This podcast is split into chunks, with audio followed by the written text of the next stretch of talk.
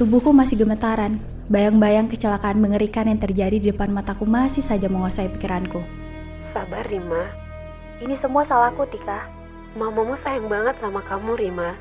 Dia rela berkorban apa pun demi kamu. Tika menahan tubuhku karena aku memaksa masuk ke ruang ICU. Dia membawaku duduk dan terus menguatkanku.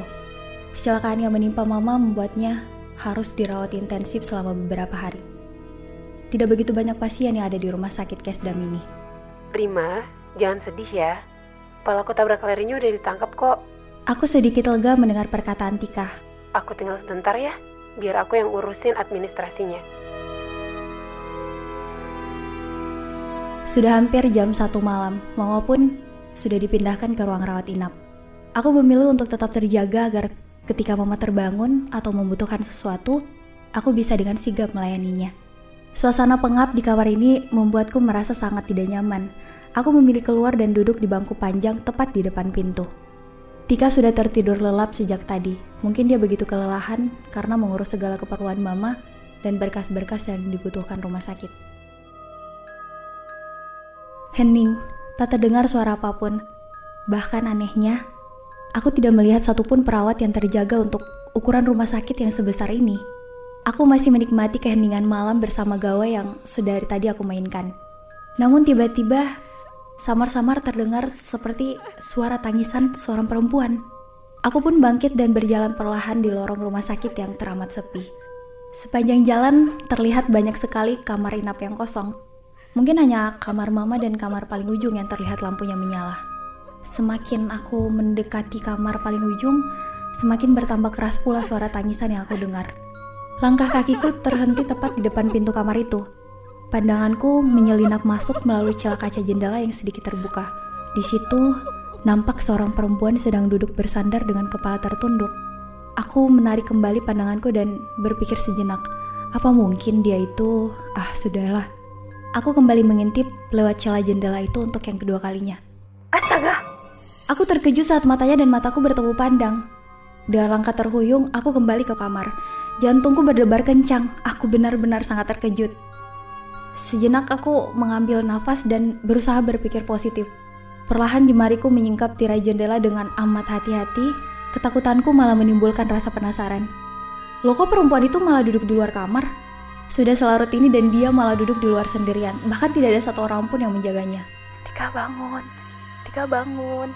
Aku berbisik di telinganya dan sedikit memberi guncangan pada tubuhnya. Dia hanya menggeliat kecil. Aku kembali mencoba membangunkannya namun upaya keduaku tetap saja gagal. Akhirnya aku memberanikan diri untuk menghampiri perempuan itu sendirian. Permisi, ucapku sambil perlahan mengambil posisi duduk di sebelahnya. Wanita itu sama sekali tidak meresponku. Pakaian rumah sakit yang dikenakannya pun terlihat begitu lusuh. Tubuhnya juga sangat pucat. Dia bahkan tidak menggunakan infus di tangannya. Setelah beberapa saat, akhirnya suaranya memecah keheningan. Kenapa tidak tidur? Ini kan sudah larut.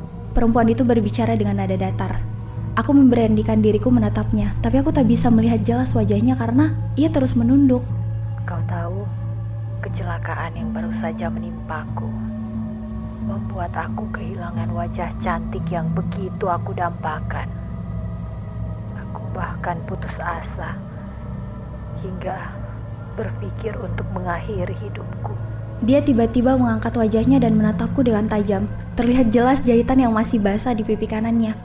Pasti dia melepas paksa perban di wajahnya. Refleks, aku langsung mengalihkan pandanganku dari wajahnya. Sekarang, aku sudah tidak cantik lagi. Wajahku hancur, tubuhku penuh luka. Kau beruntung, wajahmu cantik, dan tubuhmu pasti sangat mulus. Dia kembali menatap wajahku. Uh, kak, kau masih terlihat begitu cantik. Jangan menyerah, semua bekas luka itu pasti akan hilang. Aku mencoba meyakinkannya meski nampaknya sia-sia. Kau bohong. Dia menatapku sejenak lalu dengan cepat berlari ke arah balkon rumah sakit. Tanpa berpikir panjang, aku langsung mengikutinya. Jangan loncat.